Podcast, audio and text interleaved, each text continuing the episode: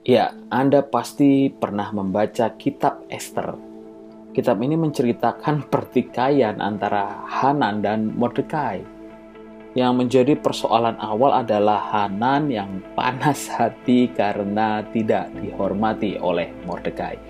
Anda bisa membacanya sendiri di rumah, namun saya akan mencoba merangkum apa yang bisa kita pelajari dari kisah ini. Kasus ini menjadi sejarah yang tertulis dalam Alkitab, mengungkapkan cinta kasih Tuhan pada Israel.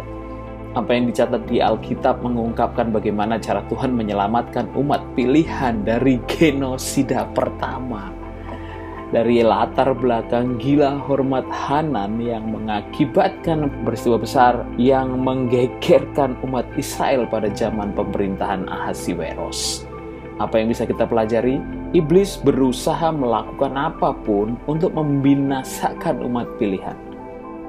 Dari zaman Perjanjian Lama sampai zaman Perjanjian Baru, dan sampai hari ini, jika saudara perhatikan sejarah, maka saudara akan tahu bahwa betapa besar apa yang telah dilakukan Tuhan pada umat pilihannya. Saat itu, Israel tercerai berai ke segala penjuru dan mereka hidup dalam pembuangan, saudaraku sudah hidup tidak gampang pada masa itu, tapi juga harus ditimpa malapetaka besar. Genosida, pembantaian, pemusnahan hanya karena satu perkara saja, yaitu tersinggung. Kenapa tersinggung bisa membunuh orang? Karena tinggi hati dan mungkin merasa superior. Kenapa tinggi hati bisa celakain orang? Karena memang sudah punya akar jahat. Dan kenapa bisa punya akar jahat? Karena diperdaya iblis, dirasuki, ditaburi benih jahat. Hidup di dunia ini cuma ada dua pilihan, saudaraku. Ikut Tuhan atau ikut iblis. Saudara tidak bisa pilih di tengah-tengah. Tengah-tengah jelas maksudnya ikut iblis. Jadi orang yang ikut iblis tentunya memiliki sifat-sifat bapaknya, kalau Anda anak Tuhan, tentunya Anda secara otomatis adalah seteru iblis. Demikian sebaliknya.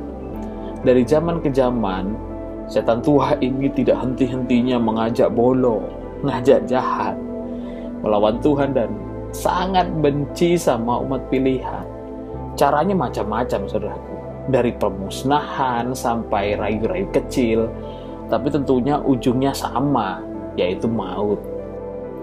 Kalau orang jahat, pikirannya jahat. Ada saja saudaraku untuk bisa rusak anak-anak Tuhan. Namun, Tuhan tidak akan meninggalkan umatnya. Dan dengan cara apa pun, menggagalkan rencana iblis. Mukjizat terbesar bagi anak-anak Tuhan adalah keselamatan. Dari keselamatan ada perlindungan. Dan cara Tuhan melindungi Salah satunya dengan memberikan hikmat pada anak-anaknya. Dan hikmat yang sangat mendasar adalah takut akan Tuhan. Kalau kita baca Amsal 1 ayat 7 mengatakan demikian. Takut akan Tuhan adalah permulaan pengetahuan. Tetapi orang bodoh menghina hikmat dan didikan. Jadi sering kali ini yang diberikan Tuhan pada umat pilihan untuk lepas dari masalah kehidupan Orang jahat itu banyak, saudaraku. Bahkan saat ini bukan hanya orang yang jahat, virus juga jahat. Kita tidak berdaya dibuatnya. Tetapi perlindungan Tuhan itu sempurna. Betul tidak? Itu mengapa takut akan Tuhan menuntun kita menuju pada kebenaran. Kebenaran itu melindungi kita dari perangkap-perangkap iblis. Namun saudaraku harus paham, ada yang bisa kita tangani, ada juga bagian yang hanya Tuhan saja yang bisa tangani. Oleh sebab itu, berlindung dalam yang Maha Kudus itu adalah cara yang paling sempurna. Doa, saudaraku, tanpa Tuhan kita nggak bisa apa-apa, saudaraku. Yang daripada Tuhan sangat diperlukan. Kalau saudara baca kitab ini, Mordekai itu selalu membimbing Esther keponakannya. Perkataan Mordekai selalu didengarkan oleh Esther tidak hanya didengarkan namun dikerjakan oleh Esther. Kalau kita mau pelajari Mordekai sebagai pemurid yang benar bagi Esther, dia mewariskan hikmat kepada Esther, keponakannya. Kalau saudara baca sungguh-sungguh, saudara akan tahu bahwa Mordekai itu takut akan Tuhan. Bagaimana saudara tahu? Yaitu dengan cara Mordekai tidak turut sujud menyembah kepada Haman. Dikatakan juga hukum Yahudi berbeda dengan hukum bangsa lain jadi hukum Allah sudah diwariskan dan dijunjung tinggi pada masa pembuangan. Kasus ini hampir sama dengan kasus Sadrak, Mesak, dan Abednego. Israel berkali-kali jatuh dalam hukuman Allah karena kedurhakaan mereka. Di sinilah peran hikmat Allah bekerja melalui Mordekai dan Esther untuk menyelamatkan bangsa Israel pada masa itu. Namun dari sisi kemanusiaan, niat jahat itu selalu saja berujung kehancuran. Haman punya rasa superior, tersinggung, merasa tidak dihargai, yang berujung kepada kebencian, sehingga ingin merancangkan sesuatu yang jahat. Bukan hanya untuk Mordekai saja, tetapi sampai ingin memusnahkan seluruh bangsa Israel. Mengerikan jika ada rasa benci di dalam diri seseorang. Kebencian itu bisa merubah hidup seseorang tersebut menjadi monster Bahkan kebencian dapat menghancurkan dirinya sendiri. Jangan salah sangka, ternyata pembalasan karena rasa benci itu merusak diri, saudaraku. Jadi, siapa pun yang punya niat jahat, sepresisi apa pun dia, sehebat apa pun dia merancangkannya, selihai dan selicin apa pun dia, pasti ujungnya pada kehancuran. Jadi jangan sampai pikiran kita disesatkan oleh kebencian awalnya memang baik, awalnya bagus, tetapi seiring dengan waktu kita tidak bagus lagi, tidak baik lagi. Jangan sampai kita jatuh, saudara. Kita harus tahu siapa kita. Oleh sebab itu, firman itu penting, doa itu penting, dimuridkan itu penting, sehingga ketika kita suatu saat hendak melenceng, ada teguran yang datang ketika kita hendak iri, dengki, ada didikan dari Tuhan melalui firman dan pemimpin kita. Itu yang membuat kita terus sadar akan Allah dan terus tinggal dalam pemeliharaan Allah. Kebijaksanaan mendatangkan kelepasan. Saya ini punya murid, tapi saya juga punya guru. Jadi artinya saya jadi guru sekaligus jadi murid. Kalau guru kencing berlari, bagaimana murid nggak mengikuti? Jadi saya paham bagaimana rasanya jadi murid ketika saya sudah menjadi guru. Dulu ketika jadi murid, saya suka ngeyel. Kemudian ketika sudah jadi guru, gemes sama murid-murid yang ngeyel. Betul nggak? Kadang-kadang saya suruh murid saya gantiin saya biar tahu rasa. Guru saya pun pernah ngomong hal yang sama kepada saya. Jadi artinya saya dulunya ngeyel tapi seorang guru yang asli gak pernah menyerah sama muridnya. Kalau muridnya bodoh, ya memang begitulah sifat murid. Maka guru sangat berperan dalam pendidikan murid. Saya dulu angkatan pertama dari Padepokan Kiai Pendeta Kaleb Mover Bintoro.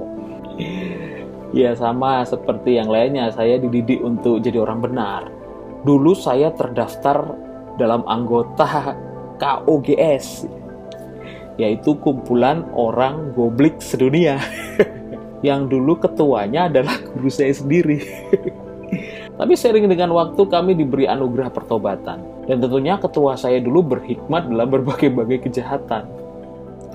Dan setelah ada pertobatan, beliau dianugerahkan hikmat dalam berbagai-bagai kebenaran. Puji Tuhan. Banyak hal yang diajarkan pemimpin saya. Dengan cara yang unik, tentunya sedikit aneh gitu kami pernah disuruh nyanyi di perempatan kami pernah disuruh berlari keliling Geraha Sabah sebanyak tujuh putaran. Kami pernah juga disuruh tidak makan pakai nasi selama tiga hari. Banyak hal-hal yang konyol, tapi memberi nilai di dalam kehidupan kami. Biasanya di ujung ketika kami menyelesaikan tugas, ada nilai yang dibagikan, ada legacy yang ditawarkan. Itu yang membuat kami kuat sampai saat ini. Setiap kali kami lihat pemimpin kami lelah, kami sering bertanya dan merasa iba. Tapi beliau sering berkata, "Jangan kasihani orang kuat." Saudaraku, jangan salah sangka. Ini bukan perkataan sombong ya, tapi merujuk perkataan Yesus kepada ibu yang menangisi Yesus pada Via Dolorosa. Ini legasi yang diingat senantiasa ketika kami mulai letih. Jangan kasihani orang kuat, mubazir, sampai ada statement kami yang berbunyi, jadilah kuat dan bertambah kuat, karena hanya orang kuat yang bisa tolong orang lemah. Bukan dengan nada yang sombong, saya ulangi sekali lagi, tapi karena anugerah. Fight till the end. Legasi ini yang membebaskan kami, memerdekakan kami. Kami tidak lagi hidup dalam ketidakmampuan kami, tapi kami beralih kepada anugerah Allah. Itulah anugerah Allah melalui hikmat yang diwariskan seorang pendidik kepada murid.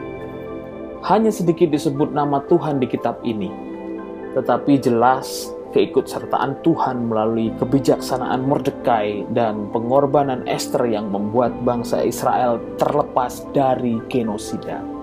Satu lagi saudaraku ayat yang harus kita baca. 1 Tesalonika 1 ayat 5 sampai 6. Berkata demikian, sebab Injil yang kami beritakan bukan disampaikan kepada kamu dengan kata-kata saja, tetapi juga dengan kekuatan oleh Roh Kudus dan dengan suatu kepastian yang kokoh. Memang kamu tahu bagaimana kami bekerja di antara kamu oleh karena kamu dan kamu telah menjadi penurut kami dan penurut Tuhan dalam penindasan yang berat kamu telah menerima firman itu dengan sukacita yang dikerjakan oleh Roh Kudus. Semoga Anda paham dan semakin percaya kepada Allah kita. Tuhan Yesus memberkati Anda.